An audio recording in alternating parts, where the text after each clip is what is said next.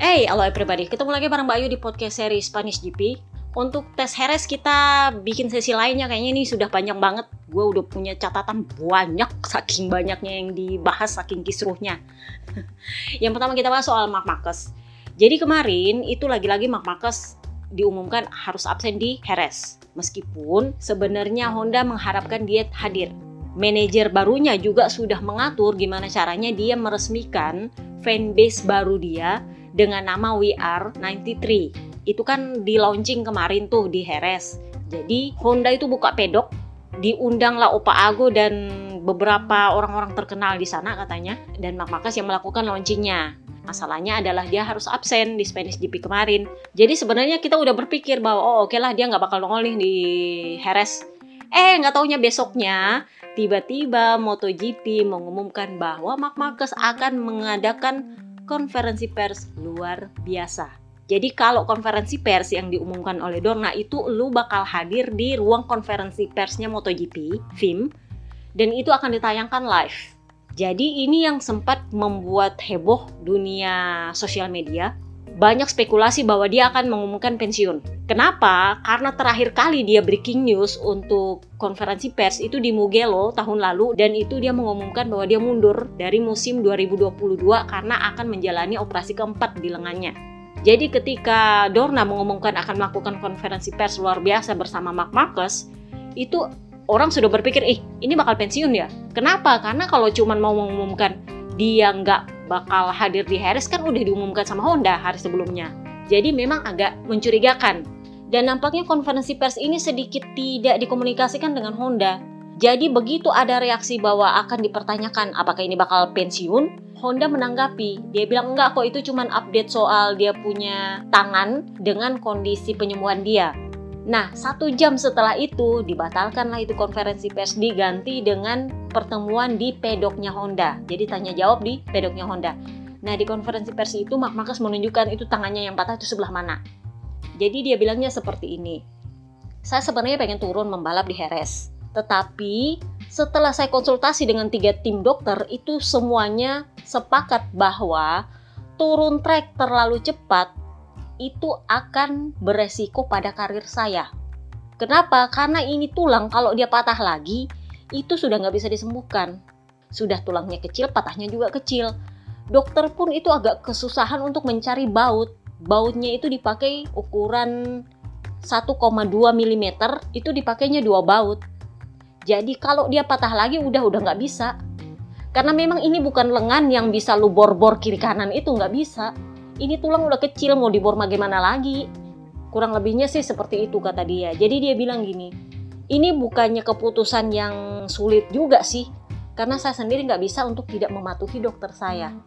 Biar bagaimanapun kalau saya turun trek dengan kondisi tangan yang belum sepenuhnya pulih, saya harus melakukan pengereman di tiap tikungan dan itu akan memberikan tekanan kepada tulang saya. Jadi kalau patah, itu beresiko pada karir saya. Jadi saya berencana untuk bisa membalap lagi di Lemang, dia bilang. Jadi kemarin gue udah bilang di postingan Twitter, gue bilang gue sebenarnya merasa dia itu konferensi pers sampai nggak dikomunikasikan dengan Honda itu karena dia mau bilang bahwa ada kemungkinan gue mundur dari musim ini. Kenapa? Karena cederanya dia ini di antara cedera-cedera yang lain, cedera yang satu ini adalah hampir pasti dia bakal pensiun. Sorry to say. Sempat ada yang bilang kodamnya udah habis. Ya, lu percaya nggak percaya tapi di Spanyol juga kan ada yang namanya seperti itu. Ibarat kata keberuntungannya dia udah habis lah. Sudah 10 tahun dipakai soalnya. Dipakai jatuh kiri kanan, crash kiri kanan alasan untuk cari limit, cari limit dan cari limit. Sekarang keberuntungan dia udah habis. Dia sendiri mengakui saya sudah habis keberuntungan. Cideranya dia, satu lengan. Lengan itu udah empat kali bongkar. Dia sendiri kemarin bilang, ini adalah operasi terakhir lengan saya. Saya sudah tidak bisa lagi untuk melakukan operasi. Jadi kalau dia patah lagi udah nggak bisa dioperasi itu lengan. Oke, satu.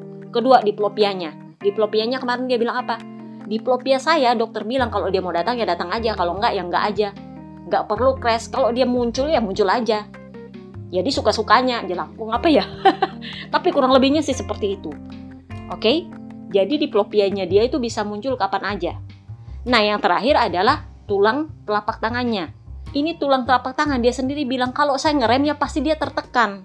Jadi dengan kondisi taruhlah dia sembuh 100% ya. Sembuh 100% seberapa sembuh sih kalau masih ada baut di situ bener nggak? Tulang yang pernah patah itu beda dengan tulang yang sepenuhnya pulih. Kenapa? Karena sambungannya belum tentu sekuat dengan tulang yang asli. Oke? Okay? jadi ada resiko tulang itu patah entah ketika dia crash. Oke? okay? Entah ketika dia late breaking atau hard breaking entah ketika dia emang nggak ngapa-ngapain tapi karena tekanan muncul terus-menerus ya akhirnya menumpuk-menumpuk dan jangan salah itu tulang selain dipakai untuk ngerem itu juga dipakai untuk menahan posisi tubuh kalau lu lagi merunduk. Benar? Jadi memang meskipun dia cuma muter-muter di track ya ada kemungkinan juga patah kalau tulang itu mengalami tekanan akumulasi. Makanya gue bilang cepat atau lambat dia bakal pensiun. Ya mudah-mudahan nggak akan ada breaking news tengah musim. Semoga gue salah. Tapi jangan lupa juga, di Lemang nanti dia masih punya utang, double long lap penalti. Kalau kemarin strateginya MotoGP Court adalah memutuskan untuk menunda keputusan untuk mengulur waktu supaya orang lupa si Oliveira ternyata udah balik lagi ngetek. Eh kemarin Oliveira cedera lagi. Jadi mau nggak mau orang akan mengingat dia. Akan mengingat Mark Marcus. Nah masalahnya adalah apakah dia mau membayar penaltinya atau enggak apa pun keputusannya MotoGP Court. Kemarin kan Carmelo Ospeleta bilang, kemungkinan ini bakal sampai ke cas, saking ngoyok banget nih nggak mau bayar penalti. Nah ini yang memantik kritik dari Papa Kembar. Jadi kemarin tuh karena kisru soal penalti di Spanish GP, Papa Kembar ditanyakan lu tahu dia kan wakil ketua geng yang paling memperhatikan keselamatan sesama rider dia itu adalah rider yang paling mendukung penalti. Sorry tuh saya, tapi memang dia itu sangat strict soal keselamatan rider. Kalau ada rider cedera, itu berarti lu harus kena penalti. Kenapa? Karena itu cedera, bukan cuma sekedar kehilangan posisi. Kalau lu kehilangan posisi, lu masih bisa membalap di race berikutnya. Kalau lu cedera, hampir pasti lu bakal nggak membalap di race berikutnya. Itu yang membuat papa kembar itu agak strict soal penalti kalau korbannya itu cedera. Jadi papa kembar itu bilang kayak gini soal Mark Marcus. Dia bilang, come on Mark, terima aja, hadapi aja. Kenapa? Karena lu tahu lu udah salah. Baik atau buruk, jalani, hadapi. Karena Mark Marcus itu membuat kontak itu bukan cuma sekali ini. Selama ini dia sudah beberapa kali melakukan kontak dan dia selalu lolos penalti. Kalian bandingkan berapa kali seorang Mark Marcus itu menyenggol pembalap lain dibandingkan 20 rider lain di track. Dan menurut saya penaltinya itu ringan.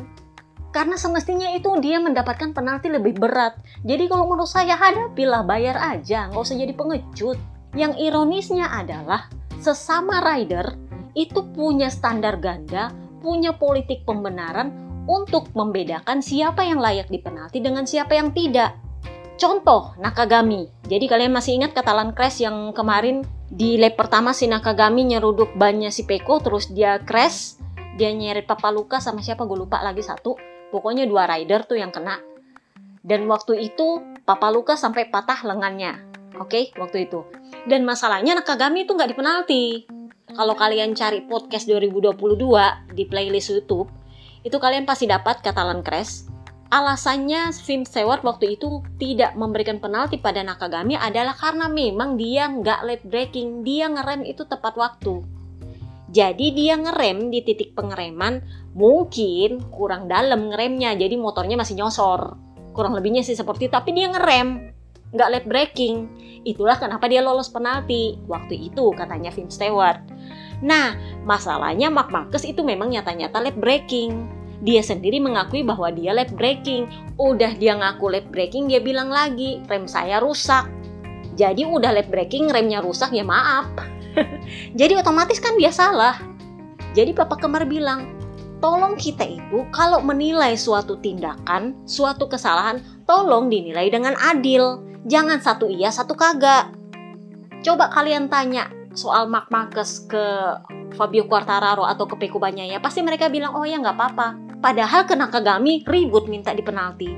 Jadi papa kembar tuh bilang, gini saya itu nggak nggak membenci Mark, enggak. Saya juga nggak mengambil ini secara personal, enggak. Saya juga berapa kali ribut dengan base saya ribut dengan rider lain saya ribut, tapi ribut ya udah habis. Cuma memang kita harus menindak semuanya dengan adil. Jangan sama satu rider ribut minta dia di penalti, sementara rider lain yang sudah berapa kali nyenggol-nyenggol-nyenggol kiri kanan, itu dibiarin. Dengan alasan itu bisa terjadi pada siapa saja, nggak bisa begitu, karena dia pengulangan. Sudah berapa kali. Dan double long lap penalti itu ringan kalau menurut saya, katanya Papa Gembar. Jadi ya, kita lihatlah nanti di Lemang dia mau bayar apa enggak. Next kita bahas soal Enya Bastian ini. Jadi Enya Bastian ini ini kemarin kan dia patah bahu. Dan itu ternyata memang belum 100% karena kan nggak dioperasi jadi ya maaf dianyepin aja gitu. Itu kan kalau dianyepin ya ya tergantung lu kondisi tulang lu. Kalau lu asupan kalsiumnya bagus ya mungkin bisa. Atau lu kurang kurang banyak gerak ya dia mendingnya apa sih kalau mending tersambungnya itu bagus gitu loh. Cuman kan masalahnya kemarin dia pakai ngetes motor di Misano Terus dia bilang, ya hasilnya sih nggak terlalu bagus, tapi saya sudah nggak sabar untuk balik track. Paling nggak ya di atas motor lah dulu saya, senang-senang. Nggak harus punya target uh, finish berapa, enggak. Pokoknya yang penting saya ngetrek dulu lah. Akhirnya dia ngetrek lah hari Jumat. Ternyata bahunya sakit. Hari Sabtu dia nggak turun trek, udah nggak bisa ditahan. Penkillernya nggak bisa. Jadi ya, ya mudah-mudahan di Lemang udah bagus Cuman kalau menurut gue gini, kalau tulang lu udah nggak dioperasi, terus lu paksa belum 100% lu paksa, ya itu terbuka lagi. Ngerti gak sih? Itu sama dengan kalau lu luka, terus jaringan parutnya belum belum bersatu, benar-benar bersatu, terus lu paksa ya kebuka lagi jahitannya. Ya sama aja lu harus jahit lagi. Jadi kalau menurut gua kalau lu paksa turun trek belum bagus itu apa-apa, ya nggak bisa, dia kembali lagi, rusak lagi ya kita nggak tahu lah nanti di Lemang dia udah bagus apa nggak gue nggak tahu karena kalau menurut gue memang kalau lu kenapa kenapa itu nggak bisa kalau nggak 100% sama juga dengan Mark Marcus itu sebenarnya kalau menurut gue itu harus sampai dia lepas baut baru bisa dia turun track Kenapa? Karena kalau masih ada bautnya di situ itu otomatis dia punya potensi untuk retak lagi. Kenapa? Karena tulangnya kan belum nyatu. Tapi ya kita lihat nanti di lemang akan seperti apa. Kalau menurut gue 100%-nya itu adalah ketika dilepas baut. Tapi kalau menurut dokter masih ada baut pun yang penting tulangnya udah nyambung dibilang 100% ya who knows. Cuman kalau menurut gue ini tulang penting banget. Jadi kalau memang masih ada bautnya terus lo paksa itu potensi patahnya bukan cuma di situ, itu bakal jadi remah-remah malah. Kenapa? Karena di antara bautnya pun bisa jadi patah lagi. Kalau menurut gue, tapi ya kan gue bukan dokter. So kita bahas Spanish GP-nya. Jadi kemarin itu di hari Jumat para rider yang dipikir bakal kompetitif di Spanish GP itu ternyata harus masuk ke Q1 semua.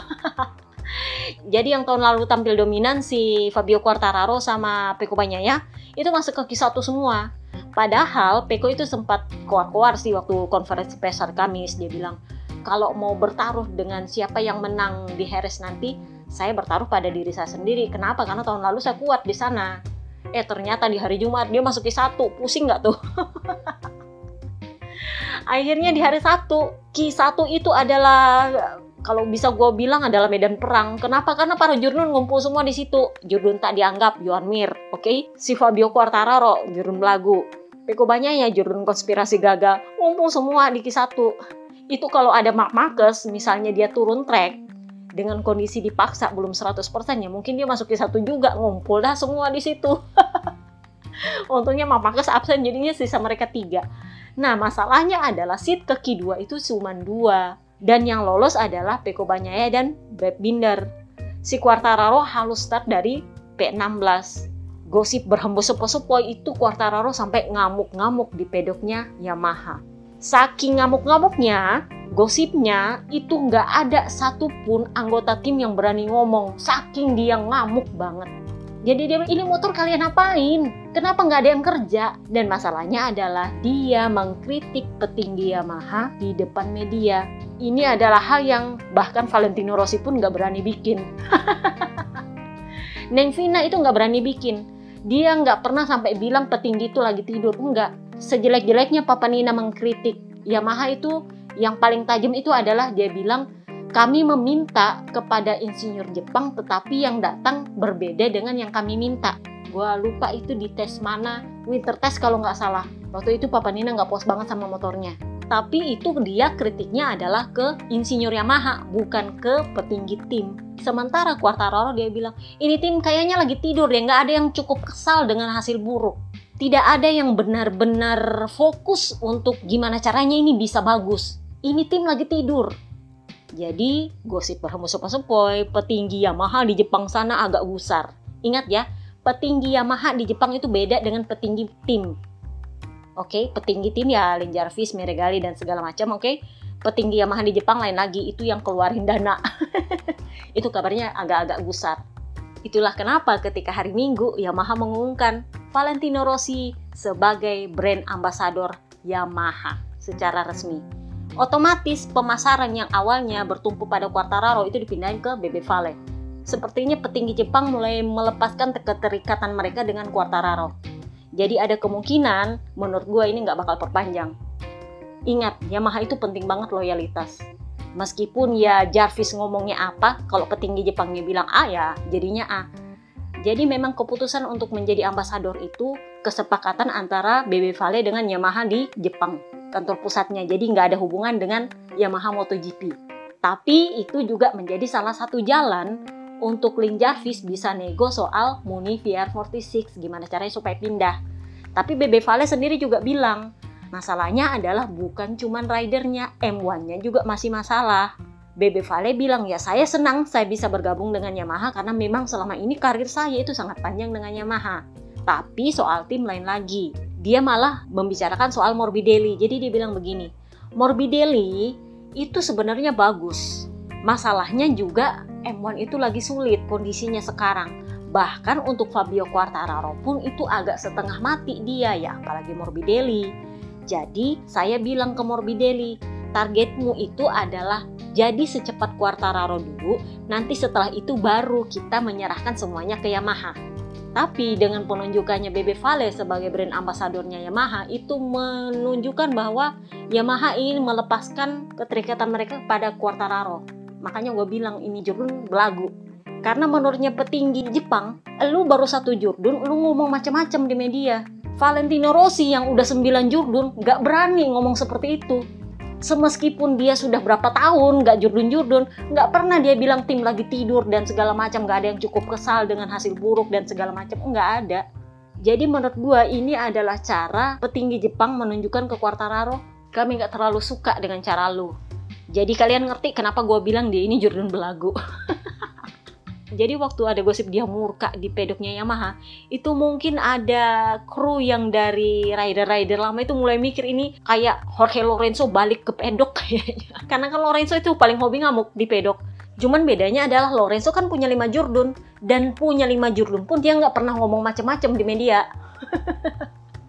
lah ini punya satu jurdun udah ngamuk-ngamuk di pedok ngomong yang asal lagi di media. Itu yang petinggi Jepang nggak suka. Jadi kemungkinan dia juga nggak bakal diperpanjang kalau menurut gue tapi ya who knows. Dengan masuknya Valentino Rossi sebagai brand ambassador, secara otomatis Valentino Rossi mulai punya role lagi di Yamaha. Dan menurut gue ini adalah strateginya Yamaha untuk memberikan dalam tanda kutip utang budi untuk Valentino Rossi supaya Muni VR46 bisa gabung dengan Yamaha. Papi Perigigi sendiri itu dia bilang kayak gini, saya harus jujur bahwa kita nggak selamanya akan pakai 8 motor di track. Kenapa? Karena mungkin ada pabrikan lain yang merasa tidak adil, tapi ya kita lihatlah nanti akan seperti apa. Tapi memang nggak akan selamanya kita pakai 8 motor di track. Dia bilangnya sih seperti itu. Udah ngerti lah ini arahnya ke mana. So kita pindah ke sprint race. Sprint race baru satu lap udah red flag. Siapa yang jadi biang kerok? Franco Morbidelli, si Rider Cole. Jadi memang dari awal gue nonton itu gue udah bilang ini bakal penalti. Kenapa? Karena dia itu memaksa masuk di line yang sempit antara pinggir track dengan Alex Marquez. Dan waktu itu Alex Marquez memang nggak melakukan kesalahan, cuman memang beda line. Jadi lainnya dia menikung untuk menutup di akhir tikungan. Sementara Franco Morbidelli mengambil celah sempit itu, akhirnya ketemulah motornya di line akhir tikungan. Jadi ya crash. Tetapi yang jadi korban adalah Marco Bes. itu lengan kiri dia itu memar. Untungnya sih nggak ada yang patah. Ditambah lagi dengan Augusto Fernandes yang gue nggak tahu sebenarnya dia kenapa crash gitu. sebenarnya sih nggak ada hubungan dengan tiga orang di depannya, tapi dia crash hampir bersamaan. Jadi ya Augusto Fernandes itu memang lain sendiri lah dia. Tapi karena korbannya adalah Marcobes, gue udah tahu pasti bakal ngeliat penalti. Iya iya, kena penalti. Jadi Morbidelli itu sempat nggak terima dia di penalti. Dia tuh sempat bilang, saya tuh Sabtu malam tuh stresnya luar biasa. Tapi ada Bebe Vale. Bebe Vale kan udah bilang, hormatilah lawanmu. Jadi memang kalau lu bikin kesalahan dan itu ternyata sangat merugikan orang lain yang semestinya nggak dirugikan, ya berarti lu salah. Jadi memang si Morbidelli bilang saya mencoba untuk menenangkan diri. Saya mengambil contoh dari Arton Senna. Soal meskipun dihambat kiri kanan toh pada akhirnya dia tetap bersinar. Jadi iya dia cuma merasa nggak bersalah aja. Tapi dia nggak menyalahkan siapa pun. Ini agak bedanya dia dengan Quartararo. Dia nggak menyalahkan siapa pun. Dia malah ujungnya menyalahkan Michelin. Jadi kemarin habis tes series itu dia bilang kayak gini kalau saya lihat dari perilaku agresif para rider di track musim ini itu lebih kepada ban Michelin. Kenapa? Karena ban ini itu beda kondisi beda perilaku. Jadi kalau suhunya tidak terlalu panas, itu bannya bagus-bagus aja. Tapi kalau suhunya panas, suhu trek panas, atau kalian berada di belakang rider lain, otomatis ban depan lu kan kena panas lebih banyak karena dari knalpot, itu gripnya itu turun luar biasa. Jadi memang nggak bisa diprediksi kalau setelah lap-lap awal. Jadi memang rider itu gimana caranya memenangkan posisi secepat mungkin di lap-lap awal supaya di lap-lap setelahnya itu udah nggak perlu battle. Kenapa? Karena kalau lu battle di lap-lap tengah-tengah race, itu performa ban lu itu agak susah diprediksi dan lu gampang untuk kehilangan bagian depan. Jadi memang rider itu gimana caranya supaya mereka dapat posisi di depan segera mungkin di lap-lap awal. Kenapa? Karena waktu itu ban masih bisa diprediksi. Nah, Tara Maso sendiri menanggapi itu dia bilangnya apa? Ah, itu karena Morbidelli terlalu sensitif aja. karena memang Yamaha kan emang beda sendiri kalau soal ban. Ya emang sih dari dulu kan penyakitnya Yamaha kayak gitu. Gak pernah stabil dia sama ban. Mana bannya juga berubah-berubah terus jadinya mereka tambah tersesat-tersesat dan tersesat. belum selesai adaptasi dengan ban yang satu eh ban satu nongol lagi jadi ya ya ya begitulah kelemahannya Yamaha udah seperti itu ditambah lagi dengan mesinnya sendiri inline jadi ah ya what do you expect jadi si Morbidelli lebih menyalahkan itu ke ban jadi dia bilangnya kayak gini kalau jadi dia bilangnya kayak gini pabrikan itu membuat terobosan aerodinamis adalah supaya bisa beradaptasi dengan ban Nah masalahnya adalah bannya juga berubah. Jadi bannya berubah karena alasannya beradaptasi dengan aerodinamis. Ya ini kayak telur sama ayam. Aerodinamis berubah untuk mengimbangi ban, ban berubah untuk mengimbangi aerodinamis. Jadinya yang nggak kelar-kelar ini masalah. Jadi Morbidelli bilangnya kayak gini, harus pilih salah satu, bannya yang tetap atau aerodinamisnya yang tetap. Jadi parameternya nggak satu berubah, satu berubah, bolak-balik, bolak-balik, enggak kalau banyak parameternya tetap, berarti sisa aerodinamisnya yang gimana caranya berkembang. Nah, kalau banyak berubah, berarti aerodinamisnya ya terus berkembang, terus berkembang. Ya kalau satu berubah, satu berubah, ya nggak ada yang ketemu dah. Kurang lebihnya sih seperti itu. Dan itu ditepis oleh Taramaso. Taramaso bilang kalau khusus di Spanish GP, itu ada pengaruh remnya. Cakram remnya yang dipakai kemarin 345 mm kalau nggak salah karena memang banyak titik pengereman yang memerlukan hard braking di situ. Jadi katanya Taramaso yaitu pengaruhnya aerodinamis dan pengaruhnya track juga, pengaruhnya suhu juga ditambah dengan cakram. Jadi ya memang nggak bisa sepenuhnya disalahkan ke Michelin katanya. Jadi dia bilang ah itu mungkin si Morbidelli memang lagi sensitif aja. Karena memang Morbidelli itu bagus waktu di Argentina. Nah kemarin kan gue bilang si Ori yang turun itu ada dua ori untuk sprint race dan ori untuk full race karena ini adalah home race-nya para KTPS. Tetapi kita nggak tahu apakah si ori bakal dipakai dua-dua di sprint race atau justru dipakai di hari Minggu. Ternyata memang dipakainya di hari Minggu. Yang dapat kalau nggak salah katanya sih papa kembar sama ikan hiu gagal si Jorge Martin. Katanya kena undian kan itu masuk undian karena si Jurun Rakor kan nggak membalap jadinya diundi. Nah ini nih yang menarik. Setelah sprint race satu lap red flag, Sunday race juga satu lap red flag. Yang jadi biang kerok siapa? Rider Yamaha lagi, Fabio Quartararo, si Jurun Belagu. Nah ini beda cerita. menjadi kontroversi karena banyak media pendukung para Jurdun itu yang merasa Fabio Quartararo nggak layak di penalti. Kalau menurut gua, dia memang layak di penalti. Sama seperti Franco Morbidelli, itu layak di penalti. Kalau Franco Morbidelli aja yang nggak pakai patah-patah segala macam sudah di penalti, ya apalagi Quartararo yang bikin Papa Alis patah bahu. Kenapa gue bilang dia layak penalti? Karena dia memang nyata-nyata late breaking. Nyata-nyata late breaking. Kalian lihat videonya, slow mo ya. Mudah-mudahan admin akun pasang. Oke, sudah lihat slow mo-nya? Jadi memang, memang kalau dari atas, dari helikopter, dia memang sudah sama-sama dengan Oliveira itu dari tikungan sebelumnya. Tetapi yang lolos dari pandangan helikopter adalah dia terlambat masuk tikungan. Jadi kalau kalian lihat kamera onboardnya Quartararo itu kelihatan bahwa Oliveira sama Marcobes itu udah duluan masuk tikungan, dia telat masuk. Jadi memang sebenarnya dia late braking. Dia nyundul Marcobes dengan posisi motor dia itu mepet banget ke Papa Alis. Mepet banget. Jadi ya mau nggak mau ceritanya sama dengan Catalan crash. Oh iya, kemarin tuh yang crash Pekobanya sama Papa Lukas. Ketika Nakagami nyundul banyak Pekobanya ya, dia crash ke arahnya Alex Rins. Tapi waktu itu Alex Rins udah jauh banget nggak ada kontak. Emang cuman korban doang. Nah ini bedanya dengan Oliveira. Memang dia udah mepet banget dengan Papa Alis. Jadi kesalahan kecil pun misalnya dia kehilangan bagian depan itu pasti bakal nyenggol Papa Alis. Meskipun itu nggak melibatkan Marcobes Kenapa? Karena pasti Papa Alis akan rebah juga motornya. Dengan kondisi mepet seperti itu, pasti akan nyenggol Quartararo. Kenapa? Karena Quartararo telat masuk dan dia langsung ngisi, mepet. Jadi kalian ngerti salahnya Quartararo di mana?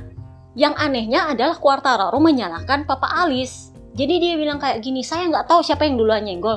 Tetapi saya merasa Oliveira itu menyenggol kopling saya, lalu saya menabrak Marcobes di depan. Dan saya sudah nggak bisa ke mana-mana karena saya ada di tengah. Jadi mau nggak mau saya crash ke arahnya Oliveira. Kalau menurut gue sih enggak. Kalau kalian lihat tadi, Sebenarnya Oliveira sama Bess itu udah di depan dia masuk belakangan dengan kondisi late braking. Jadi Bess-nya bilang kayak gini, kalau saya merasa, karena kan dia yang ditabrak nih, kalau saya merasa dia nabrak saya duluan baru nabrak Papa Alis. Dia ini sebenarnya cuma perlu mengerem lebih awal. Kenapa? Karena Bess tahu dia late braking. RD juga pasti tahu dia late braking. Jadi memang Bess tahu itu memang ada kesalahan di situ. Tapi yang unik adalah Bes bilang gini, e, itu sih pandangan saya, saya nggak mau bicara banyak kalau soal Quartararo. Agak-agak, maksud gue, why? Kenapa lu nggak bisa bebas mengutarakan apa-apa pendapat lu? Apakah ada hierarki karena dia judun lu nggak bisa ngomong macem-macem, atau karena para media pendukung ABR, ngerti? Media pendukung ABR itu membela Quartararo semua dan merasa dia nggak layak lo ngeliat penalti. Jadi Bes secara gamblang bilang, sebenarnya yang salah adalah Quartararo tapi dia nggak mau bicara banyak. Dia cuma bilang semestinya dia ngerem lebih awal. Berarti dia tahu bahwa itu late braking kalau kalian lihat dari on banyak Quartararo kan udah kelihatan dia telat masuk di tikungan. Jadi memang dia late braking itu. Dia kontak sama Bes baru dia kontak ke Oliveira jadi ini sama dengan Takaki Nakagami, dia kontak ke Picobanya ya, baru kontak ke Alex Rins. Cuman masalahnya adalah Alex Rins itu jauh, memang dia korban korban ketiga yang gak ada hubungannya apa-apa. Sementara Oliveira memang kondisinya mepet sama dia. Meskipun dia nggak sentuhan dengan Bes, itu ada kemungkinan dia tetap akan bikin Oliveira crash. Kenapa? Karena Oliveira akan rebah motornya sementara dia udah ngisi di dalam karena dia late braking. Jadi ngerti, jadi kasusnya itu akan sama seperti Jack Miller dengan Peko. Kalau lu maksa, pasti Oliveira-nya yang jatuh. Itulah kenapa Peko ya kena penalti. Karena akan seperti itu kasusnya Quartararo dengan Oliveira meskipun dia nggak nyentuh Marco Bes. Makanya dibilang irresponsible riding jadi si nasibnya si Papa Alis tuh sekarang terkonfirmasi bahwa dia akan absen di Lemang Fresh GP karena bahunya patah. Jadi nasibnya sama dengan Ene Bastian ini, bahunya patah nggak dioperasi. Jadi kalau kalian lihat kasusnya Ene Bastian ini yang merewatkan Portimao GP, Argentina GP, Amerikas GP, Spanish GP, empat race dia lewatkan, ya kemungkinan Papa Alis juga akan seperti itu. Jadi kemungkinan dia absen sampai tengah musim kali ya. Agak-agak kasihan sih kalau menurut gue. Ya bener juga kata Papa Kembar. Kalau mau menilai sesuatu tindakan itu ditolong dilihat dengan adil. Kenapa? Karena korbannya itu setengah mati. kalau cuman bilang, oh itu cuman insiden balapan ya, masalahnya ada kontak di situ. Kontak masalahnya. Dan itu adalah dasarnya film sewot. Kalau ada kontak berarti lu kena penalti. Itu salah. Jadi ingat bedanya Luca Marini vs Enia Bastianini kemarin karena itu nggak ada kontak dia crash terus menyeret Enia Bastianini crash sendiri. Itu beda dengan Quartararo. Itu kontak dengan Bes dan dia kontak dengan Oliveira. Nah masalahnya adalah Quartararo merasa kontak itu salahnya Papa Alis Oliveira. Padahal sebenarnya ya salah dia. Kenapa? Karena memang dia yang terlambat masuk tikungan. Papa Alis mau nggak mau harus rebah. Ya mau nggak mau harus tenggol dia. Kenapa? Karena dia ngisi tiba-tiba di dalam dengan kondisi mepet jadi ngerti kan ceritanya? Nah, kontroversi lain adalah soal Peko ya. Iya sebenarnya kalau menurut gue, Harris ini kan sirkuitnya sempit, jadi memang kalau menyalip itu agak susah. Ditambah lagi dengan aerodinamis yang lebar dan besar-besar itu, jadi memang limitnya agak susah. Motor menjadi agak lebih lebar, dan kalau lu memaksa untuk menyalip di trek yang sempit, ya mau nggak mau lu harus senggolan. Kalau salah-salah gitu. Jadi memang si Peko yang bilang kayak gini, ya memang kondisinya saat ini adalah kalau lu ada kontak itu berarti ada kesalahan dan itu pasti penalti. Jadi saya menerima saya di penalti. Kenapa? Karena memang untuk menyalip saya harus ada di limit. Kondisinya adalah aerodinamis ini membuat kita kalau menyalip itu harus ada di limit yang emang udah mepet banget saking saking lebarnya itu motor. Jadi ya memang ada kontak di sana dan itu beresiko untuk crash bagi rider lain. Jadi ya saya ikhlas lah di penalti. Ada kontak di sana. Tapi dia sendiri juga agak kurang setuju dengan Ikanio gagal, Jorge Martin yang minta Jack Miller juga di penalti. Dia minta Jack Miller diturunkan satu posisi. Dia bilang mestinya saya yang podium. Martin nih, Martin bilang mestinya gue yang podium. Kenapa? Karena Jack Miller juga waktu menyalip saya itu bikin saya kehilangan posisi.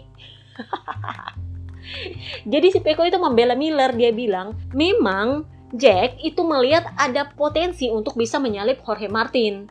Jadi dia menyalip, tetapi tidak ada sentuhan, tidak ada kontak. Jadi ya memang nggak perlu dipenalti, nggak ada kontak kok. Cuman si Martin aja kaget, akhirnya dia harus bangunin motornya. Tapi nggak ada kontak di situ, jadi ya nggak ada yang perlu dipenalti. Jadi dia bilang ya kalian tahu lah, Jorge Martin itu memang kadang-kadang agak berlebihan, tapi ya seperti itulah kondisi kondisi persaingannya kita. Jadi si Peko bilang, saya mencoba untuk menarik line seperti apa landasan pemikirannya RD untuk memberikan penalti. Jadi si Peko banyak ya waktu hari Minggu sore itu dia sempat bilang bahwa Quartararo itu nggak layak penalti. Tapi setelah tes Heres, sepertinya dia dapat wanti-wanti dari Bebe Vale. Karena Bebe Vale itu tahu itu memang layak penalti. Jadi sepertinya dia dapat wanti-wanti dari Bebe Vale. Setelah tes Heres dia bilang, saya sekarang mengerti ada line yang memang dibuat oleh RD Film. Kalau ada kontak, lu salah atau nggak salah, lu bakal penalti. Intinya adalah kontaknya ada nggak, itu sih. Jadi kalian masih ingat di Portugis GP sprint race, si Mir kena penalti LLP gara-gara dia mengisi tikungan ketika Quartararo mau rebah. Dan Quartararo sempat nyenggol, akhirnya dia kehilangan posisi. Itu Mir aja kena penalti, jadi menurut gue ya wajar Peko ya kena penalti. Si Peko bilang, sekarang saya sih ngerti lainnya adalah kalau di situ ada kontak maka lu bakal kena penalti. Jadi Binder itu sempat ingin menyalip saya di lap terakhir. Tetapi dia mengurungkan niatnya. Kenapa? Karena dia tahu riding stylenya dia itu kan kepret-kepret ban. Jadi Binder ini memang riding stylenya agak-agak mirip dengan Mark Marcus. Jadi motor itu pengeremannya agak kurang stabil. Kenapa? Karena dia main goyangin ban belakang buat bisa cepat di tikungan dan itu akan menghasilkan motor yang nggak stabil di tikungan tapi dia berhasil untuk mempertahankan motornya. Goyang-goyang sih tapi ya tetap jalan aja. Jadi Brad Binder itu sampai bilang gini saya sih sebenarnya berniat untuk menyalip Peko di lap terakhir. Tapi kalau saya mempertimbangkan riding style saya yang goyang-goyang ini ada kemungkinan kami bikin crash. Ada kemungkinan saya akan kontak sama dia. Daripada nanti ada kontak terus saya kena penalti ya mending gak usah lah disalip biarin aja. Tapi ya memang benar. Bukan karena dia takut nggak mau menyalip enggak. Tetapi dia ngerti kondisinya dia itu nggak memungkinkan untuk mengambil resiko. Kenapa? Karena bisa-bisa ada kontak ada crash. Bahkan ketika Peko dan Miller nonton peristiwa mereka kontak itu si Miller bilang kalau saya maksa itu kita bisa jatuh dua-dua. Makanya si Miller akhirnya mundur. Dia marah. Si Peko minta maaf Kenapa? Karena kalau dipaksa ya mereka crash dua-dua. Jadi si Peko bilang ya memang wajar sih gue di penalti. Papa kembar juga bilangnya seperti itu. Jadi gini, Papa kembar bilang kayak gini soal Spanish GP. Saya nggak mau mengomentari soal Quartararo, kenapa? Karena saya nggak lihat dia. Tetapi kalau soal Peko dan Jack, saya tahu karena saya ada di belakangnya mereka. Peko itu memaksa mengambil line yang kecil sekali. Sehingga itu memberikan resiko kepada Jack Miller untuk mudah kehilangan bagian depan kalau dia memaksakan. Dan yang terjadi adalah crash dan itu bisa lebih buruk. Jadi memang itu kesalahan kecil, jadi ya wajar dia diberikan penalti yang ringan. Cuman turun satu posisi. Sebenarnya turun satu posisi ini sudah lama nggak ada. Diganti dengan LLP. Masih ingat gue lupa postingan kapan ya, pokoknya itu ada. Itu sebagai penggantinya turun satu posisi. Tetapi karena memang ini kesalahannya kecil, jadi ya diadakan lagi itu hukuman turun satu posisi. Nah, yang menjadi pertanyaan adalah kenapa beda hukumannya? Makanya gue bilang ini hukuman udah lama nggak ada, tiba-tiba nongol lagi. Ya menurutnya papa kembar sih ya wajar karena kesalahan dia cuma kesalahan kecil toh si Jack Miller nggak crash juga. Dan mereka minta maaf langsung di track situ. Jadi ya wajar lah kena penaltinya kecil. Tetapi memang dulu sekali gue udah pernah bilang ini hukuman udah diganti dengan long lap penalti. Nah kalau long lap penalti dia bakal kehilangan banyak posisi, paling enggak tiga atau empat posisi. Nah, ngomongin soal long lap penalti, Quartararo kena double long lap penalti. Jadi, kemarin itu yang kena long lap penalti di hari Minggu itu adalah Morbidelli dengan Quartararo. Morbidelli itu kehilangan lumayan banyak posisi. Kenapa? Karena dia ternyata balapan di grup. Jadi begitu dia bayar long lap penalti, dia keluar udah sendirian. Tapi dia bilangnya kayak gini, somehow itu long lap penalti memberikan saya angin segar. Kenapa? Karena akhirnya saya bisa bebas dari grup karena berada di belakang rider lain itu memberikan dia resiko lebih gampang crash. Jadi lebih baik dia sendirian, nggak usah battle, nggak usah segala macem, tapi nggak ada resiko crash, tetap finish. Jadi dia bilang somehow itu memberikan saya angin segar dan begitu saya keluar saya ternyata sendirian ya saya seneng. Ban saya nggak menderita. Sementara kasusnya Quartararo, gue ngerti bahwa dia itu mencoba menyelesaikan long lap penaltinya secepat mungkin. Tetapi begitu di ujung menyelesaikan long lap penalti, dia meleng. Kenapa? Karena waktu itu dia noleh ke belakang mau lihat di belakang ada rider lain apa enggak. Nah karena dia meleng ya motornya meleng, kenalah green area.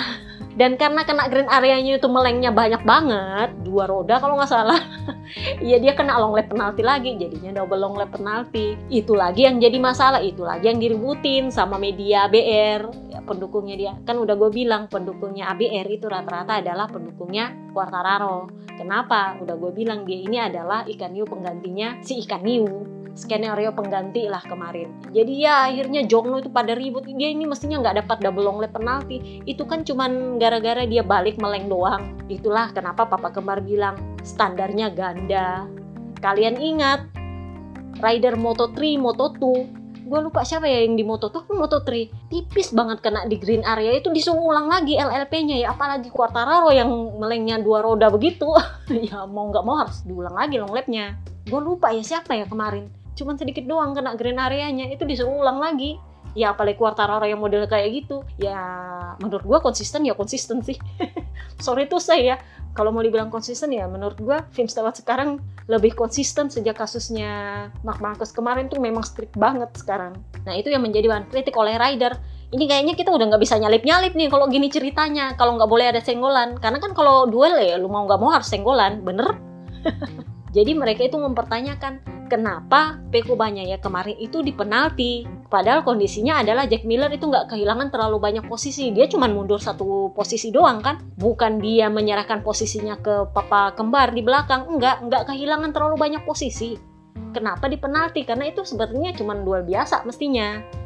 Itu yang dipertanyakan oleh para rider. Itu kan cuma menyalip biasa. Namanya juga trek sempit ya mau nggak mau lah senggolan. Kalau menurutnya papa kembar ya itu ada resiko bikin crash rider tapi ya ya itu namanya resiko kalau duel kalau menurutnya rider lain. Kecuali kalau dia crash pada akhirnya atau kecuali dia mundurnya terlalu banyak, ya baru kena penalti. Nah ini kan nggak kenapa-kenapa, cuma senggol doang. itu sampai rider USBK tuh sampai ikut ribut juga. Ini apaan sih ini? Makanya gue bilang, gue tuh agak heran dengan penaltinya Peko Banyaya. Kenapa? Karena Jack Miller nggak dirugikan sama sekali. Crash juga kagak. Mundur di belakangnya papa kembar juga enggak. Dia cuma kena salib biasa aja. Si Jack Miller sendiri bilang, kita perlu lain yang jelas ini sebenarnya kalau soal menyalip ini seperti apa. Tetapi memang Peko Banyaya mengambil resiko terlalu banyak saat itu. Toh pada akhirnya dia berhasil menyalip kembali untuk menunjukkan bahwa dia lebih bos daripada saya. si Stefan Pirer, bosnya KTM itu sendiri bilang, ini sebenarnya penalti ke Peko ini agak aneh. Kenapa? Karena itu sebenarnya memang menyalip biasa. Gue bilang itu menyalip biasa. Kenapa? Karena Jack Miller nggak crash, juga nggak kehilangan posisi terlalu banyak. Dia cuman ya seperti disalip biasa aja. Nah yang agak aneh adalah Dato R. Gue bingung sorry tuh saya ya barusan ini gue dapat manajer tim yang nggak ngebelain ridernya untuk kasusnya Oliveira dengan Mark Marcus di Portimao itu yang ngamuk-ngamuk itu justru masih Olivola ngamuk bahkan waktu keputusannya MotoGP Court yang soal menunda keputusan itu dia juga ngamuk waktu itu Revola bilang apa kalau rider melakukan kesalahan entah sengaja atau tidak disengaja dan membuat rider lain terluka, itu dia wajib penalti. Terserah apa alasannya. Itulah kenapa Quartararo kena penalti. Karena memang kondisinya adalah ada rider lain yang jadi korban dengan kesalahan lu, sengaja atau nggak sengaja. Nah, tapi justru Dato R itu bilang, ah si Oliveira emang lagi sial aja. Maksud gue gini loh, dia itu kan rider lu. Ya kenapa nggak dibela? malah bilang si Quartararo nggak salah itu hukuman berlebihan emang si Oliveira aja yang lagi sial lu lihat rider lu itu bakal absen mungkin sampai tengah musim saking patah bahunya kok bilangnya kayak gitu apa karena itu Quartararo dia bilang saya hanya melihat itu sebagai insiden biasa kalau menurut gua gua aja lihat kamera onboardnya Quartararo, gue tahu itu salah. Itu emang lap breaking, udah lap breaking lu bepet lagi. Ditambah lagi Quartararo nyalahin rider lu, tapi lu bilang emang lagi sialnya aja rider gue. Gue tuh mikir apa karena Oliveira itu dikontraknya langsung sama Aprilia jadi dia nggak merasa terlalu bertanggung jawab soal ridernya atau gimana? Jadi sorry itu saya barusan ini gue dapat manajer tim yang ridernya sudah patah-patah terus dia bilang emang lagi sial aja. Gak enak. Masalahnya adalah Oliveira ini tampilnya bagus kalau dia turun track. Kalau memang dia jelek, lu bisa bilang emang lagi sial. Masalahnya adalah dia kalau turun trek bagus. Rider sebagus itu terus lu bilang emang lagi sial aja. Gue tuh kalau gue jadi Papa Alis mungkin gue sakit hati. Sorry itu saya Dato R. Nggak dibelain sama manajernya. Yang bener aja.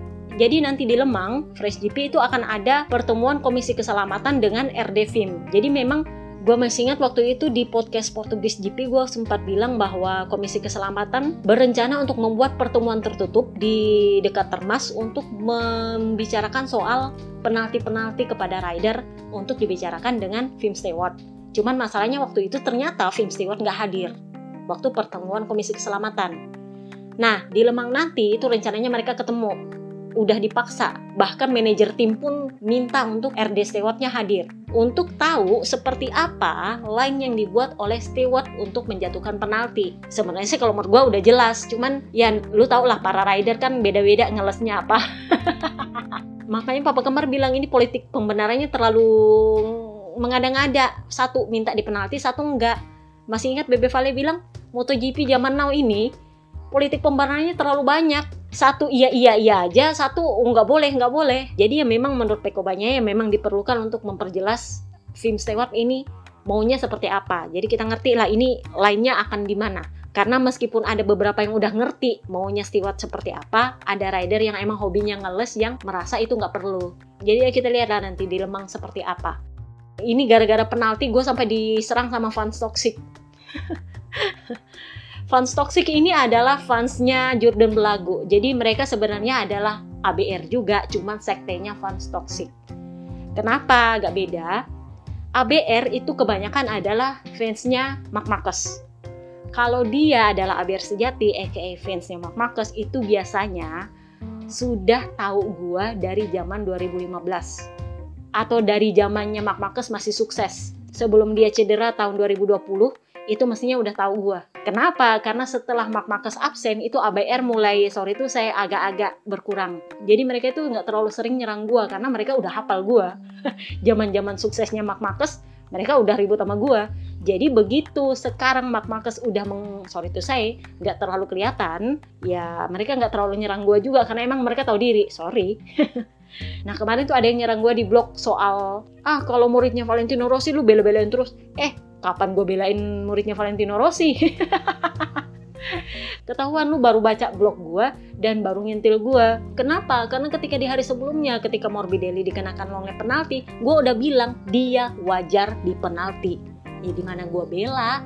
Gak ada. Yang gua bela adalah Peko. Karena memang satu, Jack Miller nggak kehilangan apa pun, Kres kagak, kehilangan posisi banyak juga kagak, tapi si Peko kena penalti. Ya kalau menurut gue sih itu agak-agak agak-agak aneh sih, tapi ya wajar juga kalau Wim Stewart pakai patokan ada kontak ya memang wajar dia kena penalti. Jadi bukan gue membela muridnya Valentino Rossi, enggak. Morbidelli aja gue bilang dia layak penalti. Bahkan ketika gue nonton Kresnya pun gue udah bilang ini bakal penalti ini. Ya kan emang bakal penalti karena memang kondisinya adalah ada korban lain di sana yang nggak tahu apa-apa kena imbasnya. Nah, kenapa gue bilang kemarin dia ini fans toxic, aka fansnya Quartararo? Karena hanya fans baru itu yang nggak tahu gue. Kalau dia adalah Abier sejati, fansnya Mark Marcus, itu pasti udah tahu gue. Lo nggak bakal bisa ngatur-ngatur gue, apalagi di blog gue. Oh, sorry to say. Tapi karena dia berani ngatur gue, ketahuan bahwa dia adalah fans MotoGP baru. Hitungannya paling lama 2 tahun. Karena dia baru bereaksi ketika gua ngebahas soal Quartararo. Dia sama sekali nggak baca ketika gua bahas soal Morbidelli kena LLP. Makanya dia tuding, oh kalau muridnya Valentino Rossi aja lu bela. Yang enggak, kalau lu baca sebelumnya postingan gue soal Morbidelli, gue bilang itu wajar kena penalti. Jadi memang kelihatan bahwa dia adalah fansnya Quartararo. Dan ini udah gue bilang belagunya sama sama kayak idolanya. kayak sok paling tahu aja MotoGP. baru juga berapa tahun jadi fans MotoGP ngatur-ngatur gua. Buset lu bayangin aja ABR yang lebih layak untuk ngatur-ngatur gua itu udah nggak ngomong macem-macem. Udah tahunan soalnya mereka jadi fans MotoGP dan udah kenal gua. Bahkan dari sebelum gua punya blog sendiri waktu gua masih di FP jadi kalau kalian ngintil gua dari zaman FP itu berarti lu udah bangkotan banget sama gua Jadi kalau ada yang komplain postingan gue sekarang-sekarang ini, itu ketahuan bahwa dia baru jadi fans MotoGP. Mungkin karena kemarin lagi trending Mandalika gelar MotoGP, jadinya baru ngefans. Dan fansnya pasti Quartararo, karena waktu itu si Quartararo yang jadi jurdun terbaru, bukan Mir. Benar nggak? Ketahuan lah. Makanya gue bilang mereka itu fans toxic. Karena sama juga dengan jurdunya, belagu, minta ampun. Oke, okay, itu aja. Nanti kita bahas soal tes Heres di sesi lain. Ini aja udah kepanjangan banget. Oke, okay, see you next time guys. Bye-bye.